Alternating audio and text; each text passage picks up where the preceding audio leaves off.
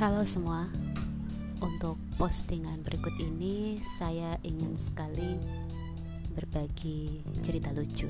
Kalau di Papua itu sangat terkenal dengan namanya mob.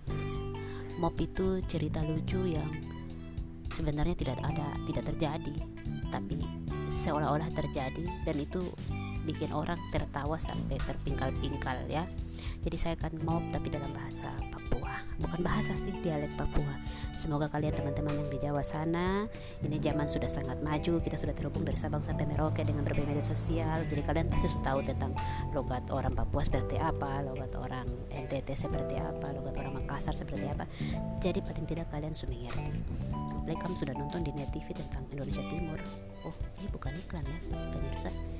Cuma ya supaya kalian kira-kira nyambung lah oke saya mau mob jadi ini tentang ada satu kelas. Ini ibu guru dan murid-muridnya. Jadi sekarang kelas membaca. Anak-anak dong membaca satu orang satu. Jadi yang pintar terus masuk baju baju maju membaca. Dan mengerti apa yang ibu guru tulis. Dan sudah bisa eja dan mengerti membaca. Jadi tulisannya ini ibu Budi ini ibu Budi. Jadi semua yang maju tuh pintar. Dan membaca ini ibu Budi ini ibu Budi terakhir ibu tanya anak di ujung sana eh kok ini belakang? Maju maju maju maju maju. Cepat. Nah baca.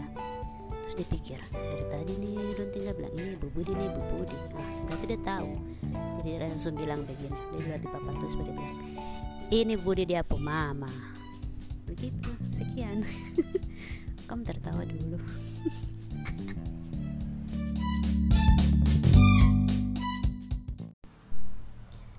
Halo, halo, halo.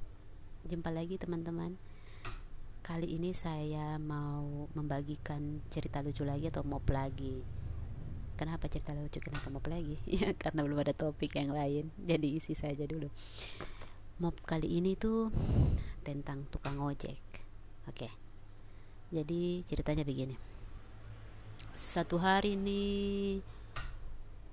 Pak ojek ini des terdapat penumpang udah capek sekali jadi dari pagi siang sore di jalan tapi aduh penumpang ini sepi desu. Desu malas sekali.